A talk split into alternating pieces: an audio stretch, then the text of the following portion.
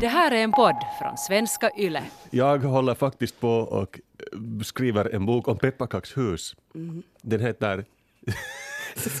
Sorry, världens mest onödiga bok. Nej, nej. Ursäkta.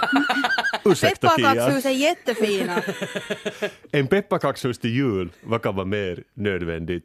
Piparkassun talot heter den. Skriven av yours truly. Ett hus som är gjort av sådana skumtomtar.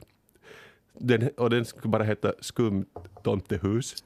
Och då funderar man, eh, och det står ännu en skumtomte framför huset och funderar, är huset gjort av mig eller är jag gjord av hus? Ni vet, den är existentiell.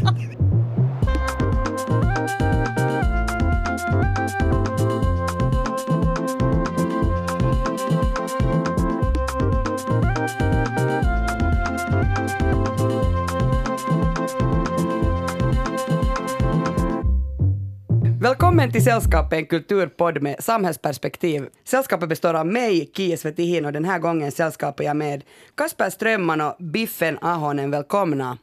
Tack. Ah, tack, tusen tack. Hur, det där, ja, hur, står det, hur står det till, måste man väl kanske ändå börja med att fråga er. Hur är det med dig, Biffen? Det är helt bra. Här är jag i Borgå, studion här i Yle och njuter av livet och sen sommaren. På säkert avstånd.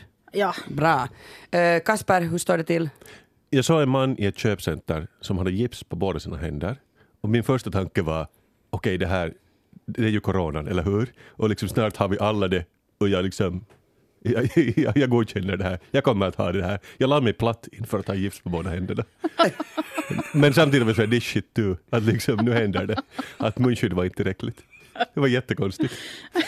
Så låter, det låter som sådär, ja, covid-utrustning volym 2. Nej, men tänk, han kan ju inte röra i någonting. Han kan inte smitta folk. Verkligen inte. Det Nej. ser de ju flesta nu eh, av de här munskydden, ansiktsskydden. Äh, nu har vi nog ett korrekt ord för det, men jag kallar det nu för ansiktsskydd.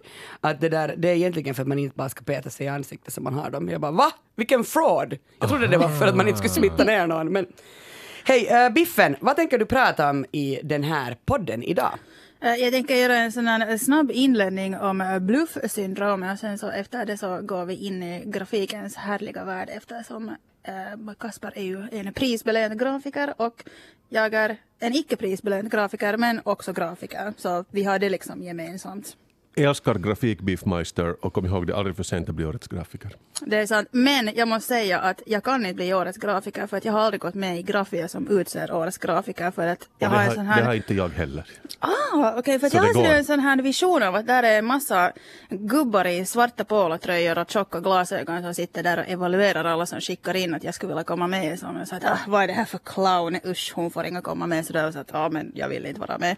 Det, det, det är bättre att bara ge upp än, att- än att ens försöka, tycker 100 jag. procent rätt och därför har jag startat min egen grafiska designgrupp med rakaste med grafiskt suunnittelu på Som Facebook. jag redan är med i Där ska faktiskt. ni gå med. Alltså Nåja. det är guld. Det är Det är liksom, guld. Det är Det är liksom vad guld. Grafia borde vara. Det, det håller jag helt fullständigt med. Okej, men Kasper, vad tänker du prata om? Okej, Biffen och Kiffen, har ni laddat ner coronablinkaren redan? Nå, klart Ja, det! Ja, ni har klart det? Ja. Såklart. Håll i era hattar för jag ska prata om den senare. Fantastiskt. Och jag ska prata om ljudböcker, för lyssna är det nya läsa. Det där lät som något från 90-talet, men, men det där, eh, jag har nu kommit fram till det. Det finns jättemycket olika åsikter i den här frågan.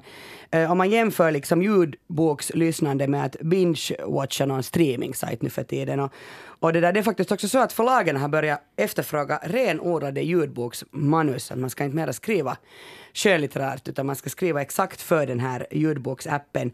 Och jag kommer ge lite tips eh, för hur man skriver ljudböcker, inte mina egna, alltså det är förlagens tips. Och sen ska ni få lyssnarprov på min favoritinläsare. Oh. Yes, hej, men uh, Biffen och Kiffen. Och kaffen. Och kaffe, kaffen. Biffen och Kiffen och kaffen. Herregud, vi låter så finlandssvenska. Du får Biffen börja. Eh, uh, Morjens, Morjens, här, här, biffen från Ankdammen i Borgå. Nej, det där behöver ni inte ta med. Ehm, ja, alltså, jag, eh, fick ju lite panik måste jag medge, Kasper, när jag hörde att vi ska podda tillsammans. Eftersom du är ju ändå ganska guru och framgångsrik Ursäkta, men grafiker. du och- bytte liksom region och röst där emellanåt, men jag försöker att inte bry mig om det. Det är helt okej. Det, det är vet du lite, när man är lite schizofren så går det Ah, så ah, här. okej, okej, Det helt- fortsätt. Det, det, kan, det, kan hända, det kan hända att östnyländska biffen kommer tillbaka här ännu under poddens gång, man vet aldrig. Skönt. Uh, ja, så, så jag blev lite så här, oh, herregud, herregud, hur ska det här nu gå till för att du är så guru? Eh, det, man, man ska alltid prata med sina idoler för att sen ifall det kommer fram att de är helt hemska så då, då är allt förstört. Så nu ska du bete dig. Um, ja, så jag har lite sådär bluffsyndrom. Och jag tror att ganska många kanske har det. Jag brukar, jag jobbar alltså på en reklambyrå och sen min, min kollega han har inte något bluffsyndrom. Han har världens bästa självförtroende. Han sitter och visslar och För jobbar. att han är man, och, eller hur? Han är man, ja precis. Och tycker att allt är jättebra och Han allt tycker fixar det sig. är Ja. Precis, och jag, jag brukar alltid sitta där bredvid och jag gråter och jag har kriser så att jag är så skit, jag kan ingenting, varför, varför, så att, Och sen varje söndag så brukar jag titta på, på arbetslöshetsuppgifter och kolla om McDonalds har några fria arbetsplatser för mig. Eller sen så brukar jag räkna ut att hur mycket arbetslöshetsunderstöd jag skulle få sen när jag får sparken och jag bara krisar mig hela tiden. Vänta, jag har det- jobbat på samma firma i 20 år faktiskt. Och, ni, och det är bara ni två? Ja, det är bara vi två. Okej. Ja. Det, det är jättesorgligt. Och det är ett sånt här skämt liksom att, att, att vi skämt, äh, han skämtar att säga att ja, ja, måste vi nu ge sparken åt dig igen? Och sen bara så nej, nej, nej. Och sen så tar jag det på allvar och går omkring i flera veckor och ältar på det här att nu ska jag få sparken och vad ska jag göra? Man, Jag man skulle tro att den där din chef ändå skulle känna till din, din liksom, hu- hurdan du är till sättet. Jo, jo, jo, jo, alltså han är ju jättesupportiv. Jag skulle ju inte ens kunna jobba någon annanstans. Jag skulle ju på riktigt få sparken för att jag skulle bara sitta och gråta liksom halva arbetstiden. Är det liksom en skyddad arbetsplats? Det är lite en skyddad arbetsplats. Det är lite sådär att jag, jag hörde att på, jag vet inte om de mera har det, men på nytt lite i tiderna så hade de en typ som hade en skyddad arbetsplats vars enda uppgift var att byta fotons färgprofiler. Han kallades smyckaren och alla hatade honom. Och, En fråga, är det här också Borgo enda reklambyrå? Du eh, ja, jag, jag tror att det säkert är. Det, är Nej, säker på. det är we, we, we're the only advertising agency in the village. Ja, ja, precis. Det är som Mm. en, ja, men jag ser mycket där komedi. eh, Alltså det är ju, det är Ja. ju.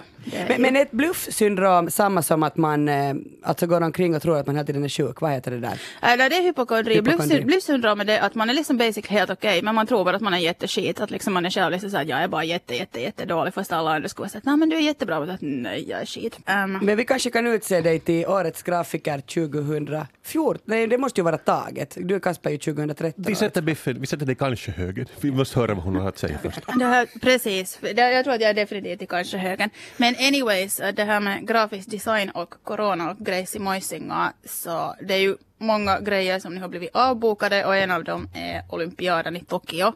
Och jag hade tänkt att jag skulle prata om den där härliga logon som är gjord till olympiaden i Tokyo 2020 som är helt klockren.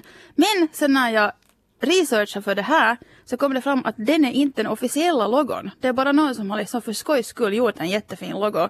Och den där riktiga logon är helt jätteboring. Och nu strider folk liksom att vilken logo är bättre.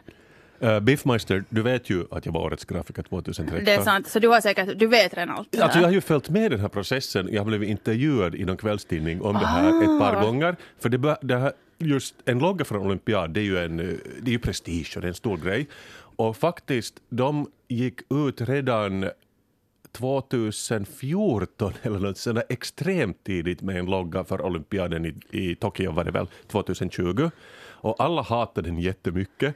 Och, Okej. och jag gav också något utlåtande att jag hatade den minst lika mycket som alla andra. Så gick det liksom två år så kom de ut med en ny.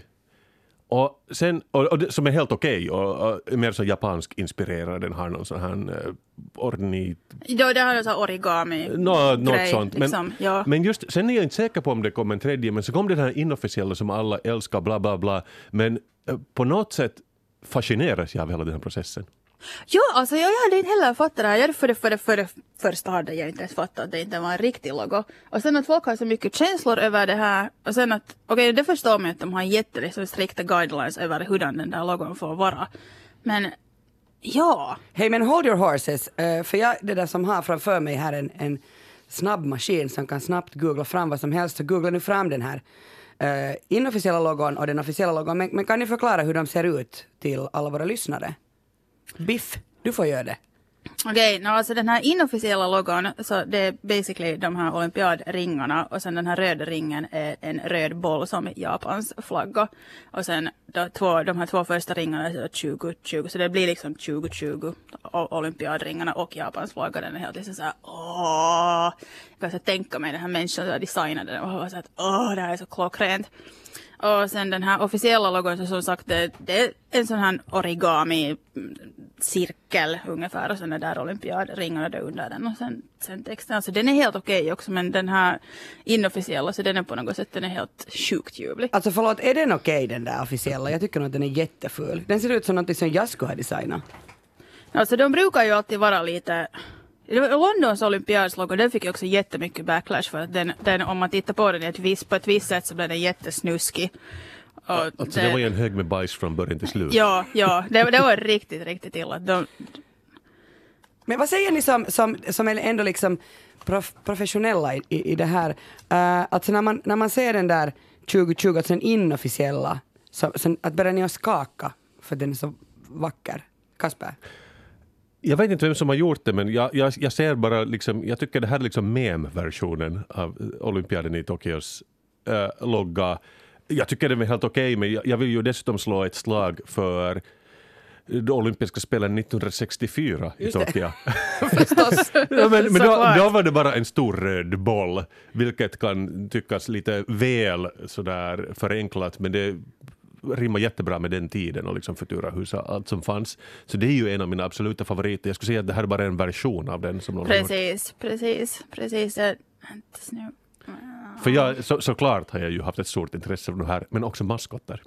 Men det är, Just det, det är ja, en men helt, det, det är en helt annan diskussion, men de är helt ljuvliga. Det är Darren Newman som har gjort den här, den här fusk-logon, eller Okej, och, och, och sen har ni ju sett den att, att folk har liksom jobbat vidare på det, att så står det liksom 2021, att den där röda bollen Ja, blir... precis. Men precis. äh, nej, jag, jag, jag, den är helt okej, men liksom jag tycker inte det är något fel på den officiella versionen heller.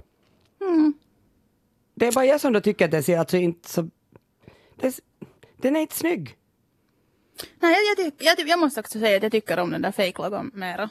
Det, Kan du förklara vad det där, det där vad sa du att det hette, origami? origami, ja. Vad är det? Eh, det är sån här japansk liksom pappers uh, folding-teknik, att man kan göra en massa olika svanar och... Ah, sånt som man gjorde som liten. Alltså, jag, Just det. jag tycker det intressanta i den här första versionen, nu kommer jag inte exakt ihåg hur den såg ut, men den hade liksom äh, Bauhaus-referenser och den såg Ja. ut som den var designad i 30-talets Tyskland, den första de gjorde.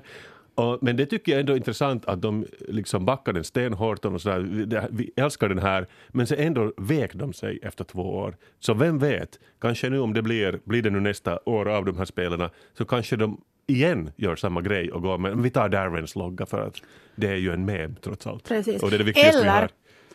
Vad som skulle vara helt ljuvligt, att tänk om vi alla bara skulle kunna göra så att vi glömmer hela det här året och sen så startar vi om och sen så alla bestämmer att det blir inte heller 2021 utan det blir 2020 igen och sen så glömmer vi bara allt. Och sen allt bara fortsätter. Det skulle vara härligt, vi kan bara glömma hela skiten. Men Biffen, du vet ju att år 2020 går till historien som året då podcasten Sällskapet började.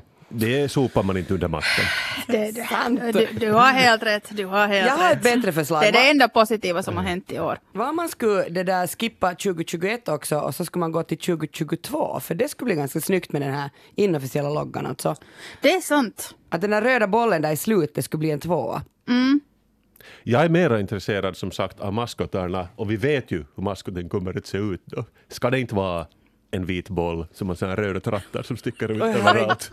Det skulle du veta. Men med någon ränder på eller någon sån här lycramaterial, någon sån här sportiga material. En sportversion av coronapartikeln, viruset. Är det, är det liksom ditt drömjobb att du skulle få designa olympiadmaskoten? Mitt drömjobb är ju att podda på sällskapet, men liksom god tvåa jo. En god tvåa givetvis. Min, mitt drömjobb skulle vara att typ jobba på godisfabrik eller någonting. Jag tycker att det skulle vara Det är som kiva. du- jag är lite som Kalle Anka. Du är lite jag som kan Kalle jobba på Anka. smör, Men- smörfabrik eller god, Men godisfabrik. om vi nu ändå liksom spekulerar vilt här så let's make it happen. Det här ska vi jobba på. Vi får ju Absolut. med den här röda bollen, om vi nu alla älskar den så mycket som finns i Japans flagga. Så kanske vi gör en inverterad version av coronapartikeln. Det är sant. Och sen nästa år kan vi ha någon sällskapet Olympiaden vart vi alla som poddar tävlar mot varandra i varierande sportgrenar. Också, ni vet ju att covid-19 det är för att den upptäcktes 2019. Nu, nu är vi på andra vågen. Varför heter den inte covid-20 nu? Jag tycker den borde liksom get with the times. All right, Giffen och Biffen. Ni har laddat ner coronablinkaren på er Ja. telefon. För de som inte vet vad coronablinkern är, de flesta har inte missat det. Men det är en app som finns i jättemånga länder. Nu har det kommit en finsk version, jag läser direkt från sidan. Coronablinkern är en app som produceras av Institutet för hälsa och välfärd.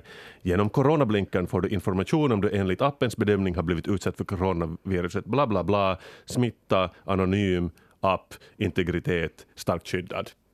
That's it. Och ni har den på era telefoner. Ja. Det är klart ni har. Jag har den på här nu hela tiden. Att, Jag har ju fått liksom, jag har ju kollat vissa folk som har lite äldre modeller. Det fungerar inte på alla modeller. Men det, är ju bara, men det är ju bara en inbyggd funktion som betyder att om du är fattig måste du dö.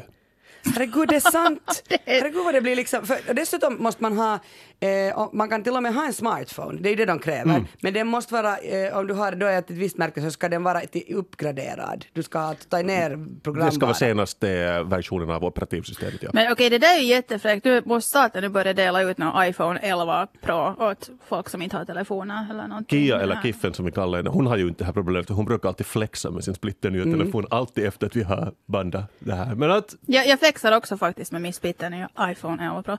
Det här, ja. Men jag kan säga att mig veterligen eh, har jag inte heller covid så att Nej, Covid-19 inte- inte eller ännu. covid-20. Du vet inte. Du vet, det kan blinka till när som helst. Ni framgångsrika människor, ni kommer att klara det här i livet. Själv har jag ett par år gammal telefon. Bla, bla, bla. Men jag, vad jag fascineras först av såklart är att ordet blinkar. För jag lyssnade faktiskt på ett program om det här, att det är ett ord som låter jätteengelskt men som egentligen inte är det. För att det finns någonting i Sverige som heter sådär Volvo-engelska. Att folk jobbar på bilfabriker, de är från jättemånga olika nationaliteter. Är sådär, yes, we, we, we must insert the blinkers on this car. Att det är egentligen ett svenskt ord för att de blinkar, att de bara har liksom översatt det till ett fake engelskt ord. Vilket jag tycker är jätteintressant. Och jag försökte googla på det här igår. Det används tydligen nog i Amerika, men absolut inte till exempel i England, för där heter det indicator uh, om, om du blinkar med dina blinkers. Och I Amerika kan du också säga liksom turn signal eller blinkers, men att det är först och främst ett svenskt ord som låter engelskt. Vilket är jätteintressant. Det är samma som after work, som inte existerar utanför Skandinavien. det där visste jag inte. Inte Nej, det, heller. Nej, det är sant. Liksom, Volvo svenska, underbart. Ja, men att om du, vad heter det, ber någon engelsk person att vi går på afterwork, de fattar inte. Då säger jag, va? To, liksom to the pub? Eller liksom, du vill gå för en drink, men att afterwork, det, det existerar inte. Samma sak som afterski existerar inte. Det är ett ord som är påhittat helt i Skandinavien. I Frankrike säger de après-ski och det används då i den engelskspråkiga världen, men då är det bara översatt till engelska för att det ska låta mera internationellt och lite tufft. Alltså vad de säger, de säger apri. Ja, Après-ski, hur du Après-ski. än vill du Ja, ja. uttala det. Det där, eh, okej, eh, jag tycker ju att ett sånt ord som gärna skulle få vara ett påhittat ord, men jag tror inte att det, det är brunch. Mm. Man, man säger väl på, på, jän- på i jänkerna säger man väl brunch. Det säger man väl. Ja, men det, det, det, och jag har förstått det rätt nu. Det är blandningen mellan breakfast och lunch. Yes. Ja. det brunch. Usch, jag tycker inte om sådana ord. Jag tycker liksom att, att kan man inte säga bara lunch? Själv, ja, men det är ju inte lunch. Nej men men alltså jag äter till middag smörgåsar. Det gör jag också. Alltså, och jag, vill, yoghurt. jag, har, jag vill egentligen ha mera. Jag vill ha en blandning mellan lunch och dinner, som jag kallar linner. Förstås. Eller bara liksom en blandning av supper och late night snack, som jag kallar satan snack. Det där fungerar inte. Förlåt. funkar inte alls. Nej, Jag riffar lite för mycket. Nej, nej, men okej, jag, jag snöar in mig på det här att det heter inte flipper, det heter pinballmaskin. Och flipper är inte heller ett ord som egentligen används i England. Då. Och det är när artister spelar playback, det heter det inte heller på engelska. Jätteintressant, för man lipsynkar. Alltså, det heter lipsync. Herregud, man blir Det- helt sådär. Det finns en hel värld av det här. Ja, ja. Men jag digresserar, det vill säga I digress. Det var inte det här jag skulle prata om. Jag ska prata om coronablinkaren. The Blinkmeister som vi Så- brukar Just kalla det, den. nu, nu blinkar vi oss tillbaka till leden Så, liksom. Ja. så, och den heter ju, alltså nu måste jag bara, för att få allting rätt, den heter Coronavilkku då. På finska, ja. Just det. Men Okej. på den, den heter officiellt på svenska Coronablinkern. Och den är ju jättebra. Det, den, den är helt säker, det är inga problem. Folks integritet är skyddad i den. Det enda jag kanske har problem, och kanske Biffen också, att den har väldigt generiska illustrationer. Det är sant, det Om- har den. Nu har du kanske inte, kommer du kanske inte ihåg hur den ser ut, men jag kan säga att om den här 2020-loggan var väldigt 2020, de här illustrationerna extremt mycket. Det, det finns en viss illustrationsstil som, som, Ja. som folk har inga ögon till att börja med och så är de lite så de har små fötter och de är väldigt sådär flytande i formen och det ser ut som ingen ska designa dem, eller kanske ett foster som har Ja. fått en Alltså, dator. och vem som helst kan ju rita det här, absolut Ja. vem som helst. Alltså jag måste, men jag, jag, jag måste ta fram nu min, min telefon Gör det. och titta på den här blinkern. Eh, ja, herregud det är sant. Alltså är det här något 2020 design? Det, det, du ser det i alla tidningar. Jag tror Ja. de, de är säkert köpta från någon sån här stockvektor illustration site där man får den för fem dollar. Ja. Och det, det tycker jag är lite tråkigt att de inte kunde liksom ens ha den där maskotten. Coronamaskotten Alltså, med glada borde, borde ögon. du nu liksom designa en coronamaskot som skulle kunna också gå lite sådär som den där tandmaskotten som går Jag omkring i borde kampen. ju det, lite går Biffen. omkring vet du och varnar folk och Men hinner jag allting? Nej. det är ju det, det är ju det. Du, Men- måste, du måste ha några kloner av dig själv. Vi, måste, vi förbiser också illustrationerna och det att den heter, att blinkers heter blinkers. För det här är problemet, det, riktiga vid, det riktigt vidriga är ännu framför oss. Och ni vet att i vissa kretsar, Giffen och Biffen, brukar kallas för Kasper Damus. Jag har en unik förmåga att se in i framtiden. Jag använder den inte ofta, för jag har ett ansvar också. Men den här stora liksom med, med den här stora eh, presenten som jag blivit presenterad med så finns det ett ansvar. Men ni vet att om någonting är populärt så då kan vi förvänta oss en massa spin-offs. Och coronablinkern, den är ju populär. Hur många laddade ner den? En miljon? Kanske? Jag vet inte. Säkert flera. Jag det var liksom- en miljon på en dag. Nedladdningsklockan tickar hela tiden. Och, det är ju, och desto fler som har den, desto bättre. Men vi vet ju att folk kommer att haka på den här trenden. De säger aha, coronablinkar, det är något som ligger i tiden. Och så blir det memes och allt sånt. där. Och ni vet att det finns en öltillverkare som har samma namn som det här viruset. De kommer ju att göra dekaler som man kan fästa på sin bil på båda sidorna. Och sen kommer folk, kommer ni ihåg hur vidrigt det var när i våras när folk var sådär, de poserade med en sån här covid-19-flaska. Och, äh, titta, Ja, jag har, ja, jag har, jag har corona, ja. ja. Vad rolig jag är. jag är den första människan som har kommit på det här. Och, och jag, de hade, just den ölen var slut i min närbutik. Och det var sådär, det kommer ju inte hända på nytt, men folk kommer att i trafiken så titta jag har coronablinkers, två stycken. Ni hör hur fasansfullt det här låter. Alltså, Det, det, kommer att bli en tuff höst. Ja, Jag där, jag, jag måste bara ändå avslöja för er hur, eh, att jag fyllde 40 på sommaren och då arrangerade jag min 40-årsfest på Coronabaren och jag bjöd bara på Corona. Du är en av de människorna. Du Ni är var, en ju- av ni var dem. ju inte heller bjudna så att... Nej, just Du det. vågar inte bjuda oss. Får Ja. jag fråga en sak om coronavilko ännu? Kan man liksom bara själv sätta in hit att jag har corona? Kan liksom folk börja skämta med det här och bara liksom, vet du, Så blir det fake? väl intagen någonstans, så om det är det du vill så. Alltså jag, jag, jag tror faktiskt inte det, utan det är nog THL väl som på något sätt sen, alltså du, måste skicka till dem och du, alltså du måste göra en, en, en vad heter det, en test.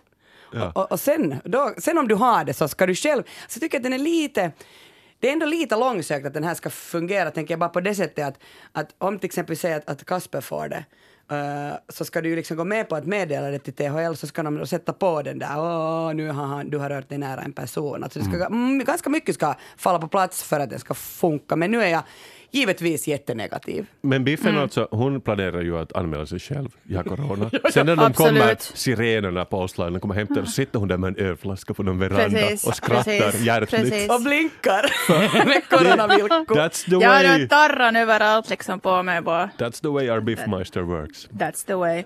Men okej. Det- Men, Jag måste försöka men, göra det före men, det här men ni kommer vet ut. ju att, att många företag kommer att haka på de här. Kanske sådana företag som är kända för att kopiera. Alltså jag tänker typ Lidl, eller någon sån som gillar bara att liksom ta någonting och göra en egen version. Det kan, det kan också vara helt en annan. Jag älskar men, Lidl, Men alla kom, det kommer att komma liksom appar som anspelar på det här namnet. Själv tror jag att det blir musiker. För jag tror att typ nu sitter Maja Vilkkumaa någonstans på sitt skivbolag och funderar så här att Hör du Maja, jag tycker vi ska lansera en app och den ska heta Maja Vilkku.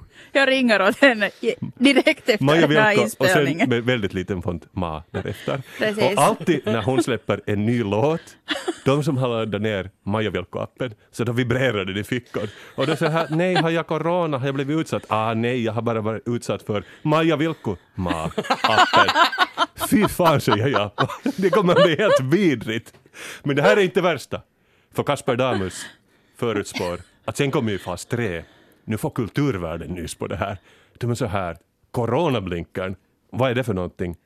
Ni vet, kulturvärlden, de som är lite långsammare än all- alla Jag de skulle andra. säga att de är lite långsammare igen. Alltså, men jag märkte det, vi, vi sitter ju här och spelar in på Yle, jag såg ju nog, det sitter folk bakom stora glasväggar här och jag, jag såg när jag kom hit, folk var uppspelta, de satt i ett stort, de hade wienerbröd och kaffe, de, de viftade med armarna.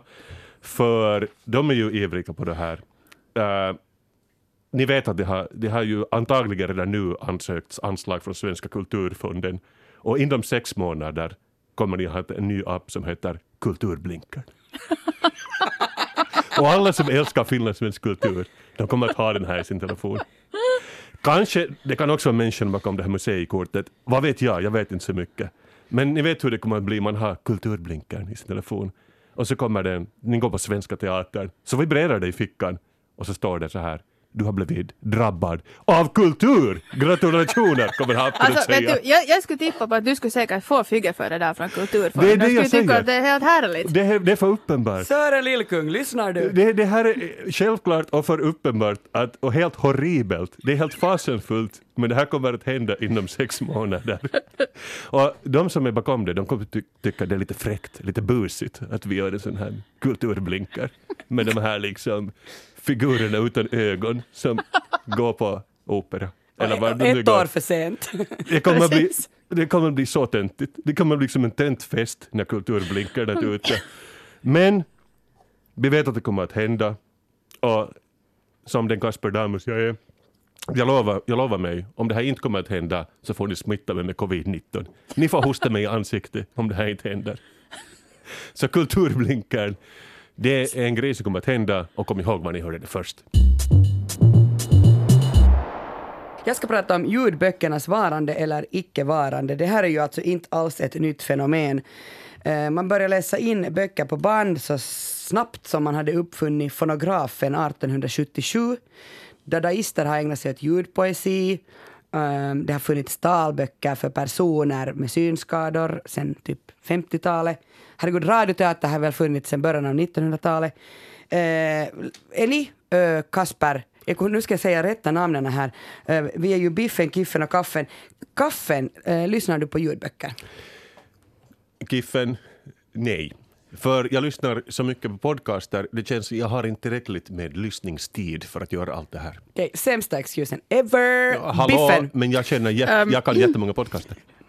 Jag, kommer med exakt samma ursäkt. Nej, för att jag lyssnar på så mycket musik att jag tycker inte heller att jag orkar lyssna på något annat sen efter det. Bla, bla, bla. nu ska jag ändå berätta en intressant historia för er. Högläsning är alltså kopplad till fackföreningsrörelsens historia. På Kuba så beslutar man, eh, alltså de arbetare som jobbar i cigarrfabrikerna 1866 att nej, fy fan vad det här jobbet är tråkigt. Att, nu tänker vi förbättrar våra arbetsförhållanden och så anställer de en offentlig läsare. Det här för att man på fabriken då skulle kunna rulla de här cigarrerna utan att dö av, av tristess. Och det där, eh, no, sen så försvann de här uppläsningsmöjligheterna från de kubanska fabrikerna och ganska många kubaner flydde också till USA på jakt efter arbete, men de tog med sig den här höguppläsningstraditionen. Så eh, till exempel Greven av Monte Cristo blev en av favoritböckerna.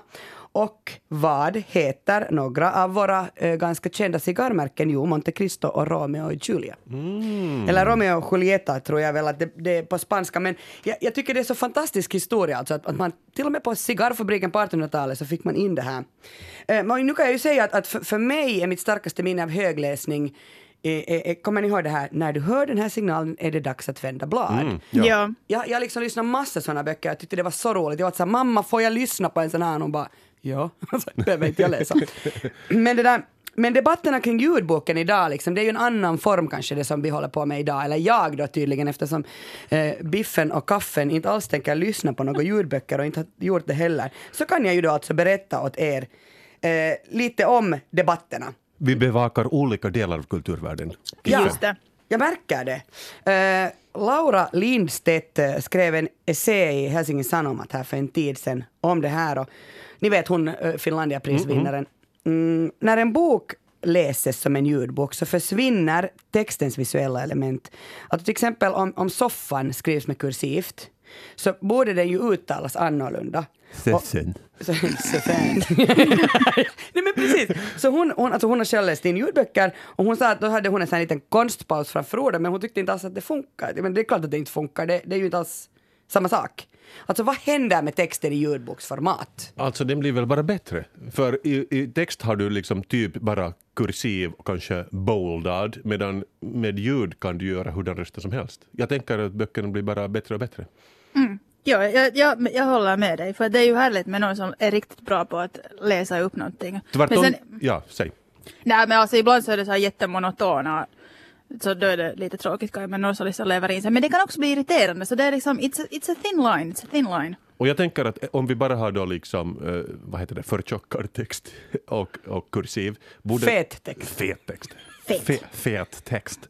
Så då borde vi väl ha liksom nya sätt att eh, manipulera de, de här uh, små bokstäverna vi använder som alternativ till kursiv, någon neokursiv som, som, som, som man, man ska uttala som man inte hade tänder alls i munnen. Där. Kan du snälla ge ett exempel? Fuffan. Och hur var det med det var kursivt, soffan? Det är bara så här, Seffen. Men Ja. ni, ni förstår, text, text är inte en lika bra eh, Eh, eh, inte ett lika bra sätt som den muntliga traditionen. Det här tycker inte Laura Lindstedt. Hon tycker att ljudboken förstör bokens materiella grund. Eh, det blir alltså konsekvenser för att du inte pausar till exempel, för att det är du då som väljer att läsa in. Och, och, och det kan jag ju alltså hålla med om att när jag läser en bok så kan jag ju så här gå tillbaka, jag kan gå framåt, jag kan stanna, jag kan läsa om, jag kan, jag kan hålla i min bok. Och det är det här liksom som hon också säger att det är jätteproblematiskt. Eh, men en, annan, en, en sak som jag tycker att är jättebra med ljudböcker är att um, jag är en ganska rastlös person. Uh, jag har ganska ofta tråkigt också. Och jag är ganska sådär, jag gör allting väldigt snabbt. Alltså jag har ganska hög energi. Så jag lyssnar jätteofta på ljudböcker på så snabbspolning. Alltså, Ja, men det är ju sinnessjukt. man kan Alltså liksom, verkligen, får du liksom någonting alls ut ur det? Du din dåre. jag är en dåre. Det, det, det är så här ljudboksversionen av liksom Shakespeare for dummies som är bara liksom komprimerad. jättesnabbt. Brukar du liksom försnabba det så mycket att du inte liksom får något ut av det mer? Så- No, alltså, faktiskt den här senaste boken jag, jag lyssnade på för arbetets, eh, på arbetets vägnar så fick jag lite bråttom så jag måste alltså höja den. Jag brukar alltid ha, alltså vanligt tempo är en.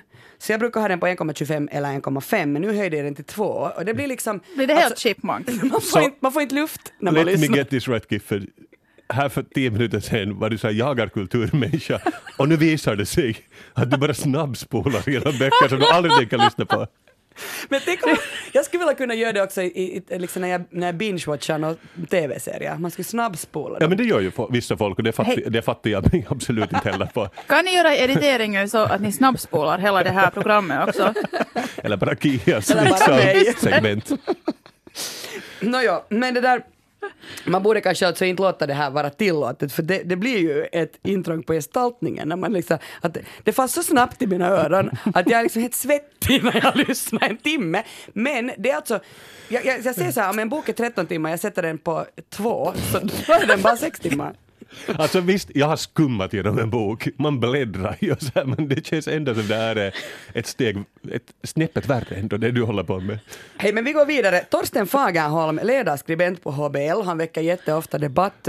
Det blir alltså riktigt så här storm på, i den finlandssvenska ankdammen när han, när han har ganska ganska mycket åsikter och, och det där, det är speciellt när han har åsikter om kultur som det där folket blir arga på. Det finlandssvenska folket blir arga på sina finlandssvenska sommarsidor och senast så, no, inte var det säkert senast för att han har nog skrivit många ledare efter det här men i maj skrev han om, om, om att litteratur tar modell av TV, tv-seriens struktur. Alltså, Han behandlar just det här med, med att ljudböcker har blivit som att man binge-watchar på Netflix. Nu måste jag säga, vad bet, hur säger man binge-watchar på svenska? Hetstittar. Det, det är säkert bara... Flö, flödestittar. Nej, Okej, men man tittar mycket på en gång då. En populär ljud- ljudbokstjänst som nu för tiden äger eh, anrika bokförlag, som till exempel Norstedt och Gumerus, så de, de ger alltså ut böcker som är direkt skrivna i ljudformat. Och, och det här berättandet så delas in i säsonger och det är en timme långa episoder och de avslutas alltid med, med cliffhangers och där är då Torsten Fagerholm väldigt eh, Ja, han tycker att det är väl ganska skit, eller han är så här att, han nedvärderar. Så som Steven Spielberg nedvärderar eh, alla eh, streamingtjänster. Filmer som görs för streamingtjänster och blir typ så Oscar-nominerade, så brukar han ju bara så här häckla. Bara så här, ni är inte värda det här priset för ni är bara på något streamingtjänst. Okej boomer. Ja. Okej, nå. Det här, uh, Albert Bonniers förlagschef uh, har bland annat sagt om, om att, att det här intresset för att man strömmar ljudböcker på det här sättet helt hänger ihop med att efterfrågan är så stor. Så varför skulle man inte göra så då om det är det som folket vill ha? Uh, alltså, fysiska volymer minskar och man väljer andra typer av berättelser och det funkar då tydligen bättre att i öronen lyssna på sånt här som, som är skrivet för att läsas in. Uh, och det är då man börjar fundera, men vad händer med litteraturen? Hur ska det gå med böckerna? Ja, men det är jätteintressant för jag har faktiskt eh, pratat om det här i min andra podcast, Kasper och Mikko. Såg ni det det här instruktionerna som cirkulerade i folks mejl förra året? Det, här- ett av de här företagen de skickade ut instruktioner om hur man skriver en ljudbok. Och det var det virrigaste jag har sett i hela mitt liv, för det var exakt du, så som du säger. Att det var så här att varje kapitel ska sluta med en cliff, cliffhanger. Och det var, den gick jättemycket in i detalj de här instruktionerna, så där, använd inte svåra ord, skriv bara i jag-form. Och sen det värsta var att det slutade med så här att när, skriver, när du skriver en ljudbok så försök inte göra något originellt, titta vad det finns redan nu och så skriver ni lite likadant. Och, herregud. Men herregud, så det var det liksom det det, och så att jag har, jag, men det var det värsta jag någonsin har läst. Så då kan man verkligen säga att, att de nedvärderar litteraturen för de var bara så här, gör en billig kopia och gör det inte för jobbigt för folk förstår inte svåra ord för de är dumma i huvudet. Men alltså det här som du säger här nu, så det, det, det stämmer fortfarande, alltså just det här med att man, man då, förlagen går ut och säger så här, skriv i jag-form. Men så säger man också, lägg in en överraskande vändning de första tio minuterna. Det kan jag ju säga att sådär annars också om man nu skriver så kan det ju vara helt bra att man, att man fångar det där intresset där i början. Sen rekommenderar eh, den här ljudboksappen, eller de här, ljud, eh, eller de här förlagen, att man ska ha en förhållandevis rak berättelse. Och just som du säger, ganska enkelt. Mm, inte så mycket utvikningar, inga tidshopp. Det är inte så bra. Ha inte så jättestort persongalleri. Inte snarlika namn. Eh, det är inte optimalt för ljud. Jag tänker den där, eh, det finns ju böcker som är skrivna ehm, vad heter den här, 100 år av ensamhet, så heter alla karaktärer samma. Juan. eh, Sant, sant. Ja. Det skulle vara jättesvårt att lyssna på den kanske faktiskt, för att man skulle vara så vem är det nu då? Jag tror du läser samma instruktioner jag, för jag, som jag läste förra året och jag tror att det också en punkt var att titta på amerikanska tv-serier så där, där får du liksom strukturen. Ja, handlingen ska vara dialogdriven och ha ett högt tempo. Ja, verkligen. Nåja, men alltså nu kan jag ju säga att, att ni, nu kan man ju säga att, att alla de här, eller så här uppmanar då folk som sk- vill skriva ljudböcker att skriva så här. Men jag har haft jätte, jätte, jätte, jättefina upplevelser med jättesvåra, alltså hö- höglitteratur, om man får kalla det så, eh, vilket snobberi, men, men liksom Hög Ma- litteratur på hög varv som du brukar Precis. kalla det. Ja, och jag lyssnar jättesnabbt på det. Men alltså, så jag menar, det är klart att jag, jag har lyssnat på hur många bra böcker som helst som är svåra, som är krävande. Jag älskar ljudböcker, det passar mig. Ehm, och det där, man har också alltså kommit fram till att eh, eh, man har gjort en undersökning som har visat att de här digitala abonnemangstjänsterna har vuxit med 25 procent på bara ett år och det hä- hänger alltså ganska mycket ihop med att ensamma personer får sällskap och då tycker jag liksom att kanske man inte behöver jomsa så mycket. Det är lite som när eh, Android, eller när de här, när, när de här telefonerna som, som var en liten dator kom, så var i varje fall jag så här att jag ska aldrig ha en sån där telefon. Jag ska, jag ska inte ha internet med mig hela tiden. De orden åt jag upp liksom inom loppet av ett dygn, för jag bara så här, jag vill också ha en sån där. Att jag menar, kanske man inte behöver bara vara sådär att nej, inte ny teknik. Liksom, alltså det är lite boomer över det hela att tycka att ljudböcker är, är, är on, av ondo. Jag tror att folk är ju konservativa överlag så att det är ganska naturligt också. Det hänger väl ihop med att man är sådär, titta en orm, ska vi äta upp den? Ja, nej, kanske vi, vi, vi väntar och ser en stund. Jag tänkte ändå att, att det där, jag ska ta eh, och ge er ett exempel eh, på min absoluta ljudboksfavorit. För att så, man kan i den där appen, eh, det här är också en farhåga att, att man liksom glömmer författaren om man bara går efter de här ljudboksinläsarna och så väl, börjar man välja eh, den som man tycker mest om. Eh, jag tycker mest om Lo Kauppi. Och det där, hon är alltså annars aktuell just nu därför att eh, pjäsen Män kan inte våldtas sätts upp på Lilla Teatern om några dagar och det är hon som har eh, gjort dramaturgin till den. Hon har också skrivit en, en ny bok som heter eh, Två vita dvärgar som hon har läst in. Men det är alltså den här Lo Kauppi är egentligen, eh, hon är författare, regissör, dramaturg och skådis. Och, och det där, hon har läst in 59 titlar hittar jag på min app, vilket är jättemycket. Och det där, eh, jag tänkte kanske att ni skulle få veta hur hon låter och sen vill jag liksom veta att tycker ni om det här? Och, och, och så jag måste fundera också på varför, det, varför tycker jag så mycket om eh, Lo Kauppis röst och sätt att läsa. Nu är det lite tricky, för nu läser hon sin egen bok och jag är inte alltid helt övertygad om att det är så bra. Men eh, nu kör vi. Två vita dvärgar. Av och med mig, Lo Kauppi. En dag pressar hon ödet för långt. Hon ligger på flygplatsens hårda stengolv och inser att hon ska möta döden. I magen finns kondomer fullpackade med narkotika. Hon avgrundsvrålar, ber om att få ett till liv. Hon är för ung för att dö. Bara ett liv till. Och det får hon. Men hennes andra hälft blir kvar där på Arlanda och för evigt känner hon sig halv. Vi följer hennes två livsöden. Lo tvingas att välja mer än hennes tillit klarar av. Hon gör klassresan. Lena lever med känslan av att snart explodera. När hon förminskas, blir bestulen på sina krafter och omyndigförklaras. Två vita dvärgar handlar om hur skenbart människans fria val är men också att ödet kan vara töjbart. Ja, wow! Jag tror, att det funkar. Tror att det funkar. Jo, man, jätte, alltså jag blir så, det var så konstigt nu för du var jag sådär, ah, nu lyssnar jag på ljudbok. Ah, nej, det är ju på riktigt! Du är ju där! Men det var bra! Sjukt! Ja, jag var alltså tvungen att ta med det här när jag... jag blev så, så chockad för att mitt i allt så började hon så här sucka. Jag bara så här, jag lyssnar ju på en ljudbok. Jag blev på riktigt alltså så invaggad i att hon läste. Jag hade lyssnat 13 timmar. Okej, för mig var det ju bara 6 timmar då för jag lyssnade ganska snabbt på den.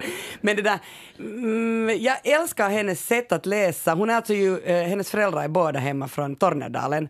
Eh, och hon läser ganska ofta så här Tornedals, eh, nej men när det handlar om meänkieli och sådär. Men hon kan inte faktiskt ens prata finska eller ja. meänkieli. Alltså du har ett hon låt, det var som balsam för mina öron. Ja, men röst. ganska långsamt tempo ändå. Så jag fattar ju nog vad du säger, att man vill liksom get to the point. Liksom, ja, och när man har satt upp det till två, så det är, man kan ändå lyssna alltså. Man kan bara inte andas. Jo, för, för det, det, går ju inte liksom upp i Musse Pigg-röst, utan den bara tar bort pausen, eller hur är det nu de här apparna fungerar?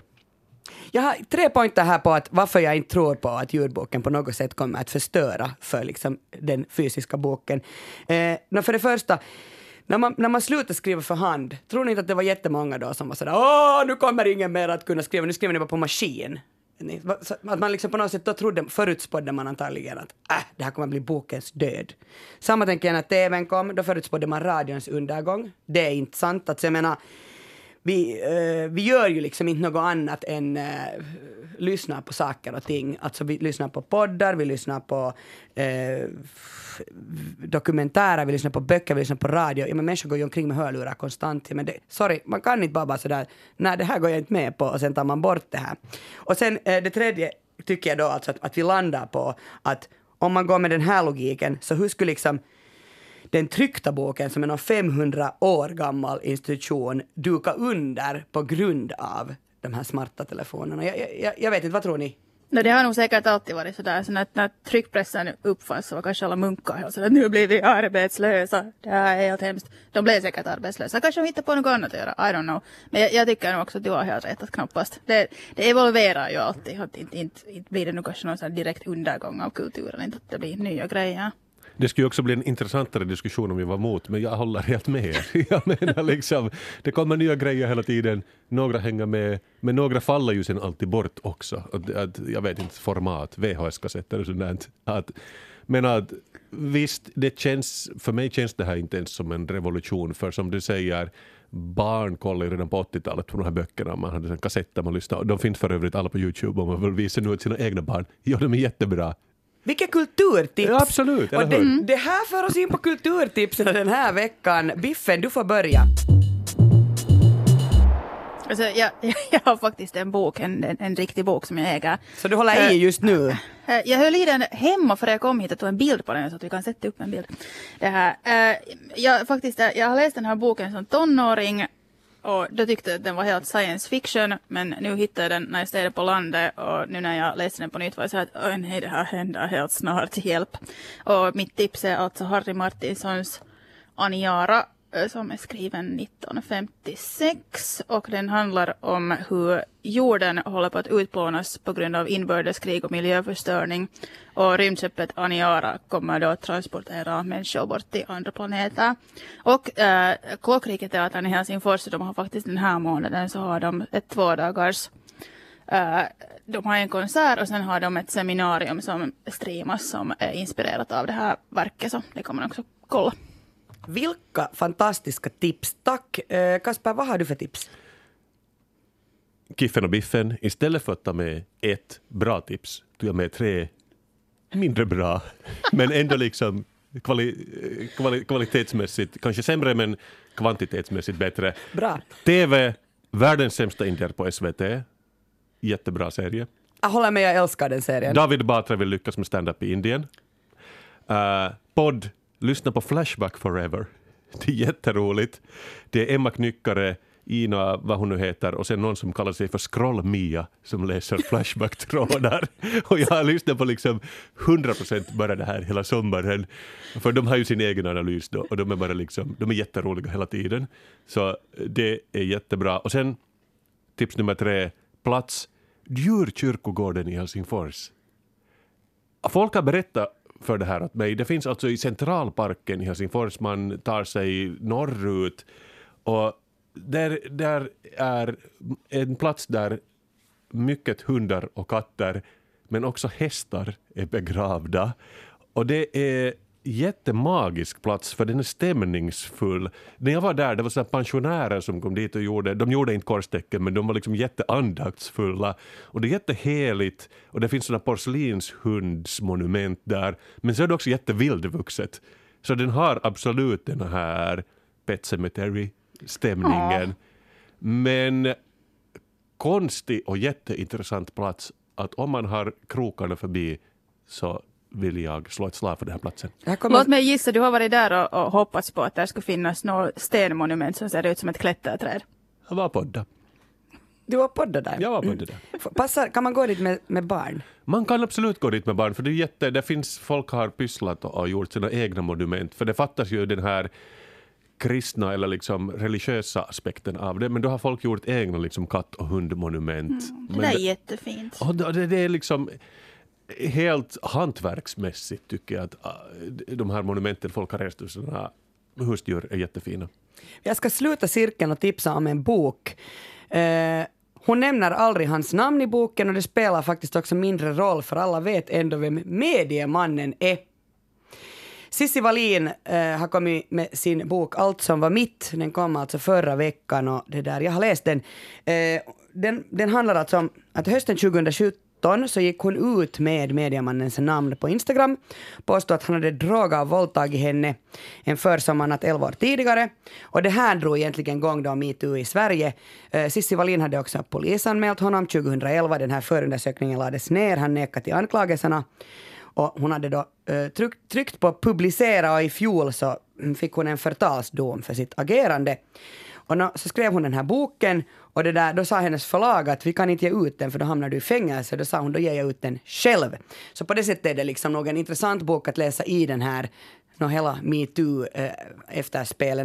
Eh, jag kan tycka att den är kanske lite gnällig, eller den, den liksom är sådär, hon är jätte Så det är alltid alla andras fel och aldrig, det, det är aldrig Sissis fel. Men sen å andra sidan tycker jag att den är, alltså, den, den är bara helt värd att läsa. Men jag tycker att man samtidigt ska läsa Åsa Linderborgs eh, bok Året med 13 månader. Hon är ganska eh, frän metoo-kritiker. Och jag läser alltså samtidigt, eh, läste jag Fredrik Virtanens bok Utan nåd, där han berättar sin version av storyn. Så det här blev nu tre böcker på en gång istället för... Gud vad vi hade mycket tips! förlåt! Eh, tack och förlåt kanske. Kan aldrig finnas för mycket tips. Det är Nej. därför vi är här, Kiffen. Tack Kasper och- Biffen för sällskapet. Alla referenser och hänvisningar hittar du i avsnittsbeskrivningen på arenan. Nästa vecka sällskapar jag med Tuuli Heinonen och Peter Alfakir. Vi hörs. Hej då! Hej då!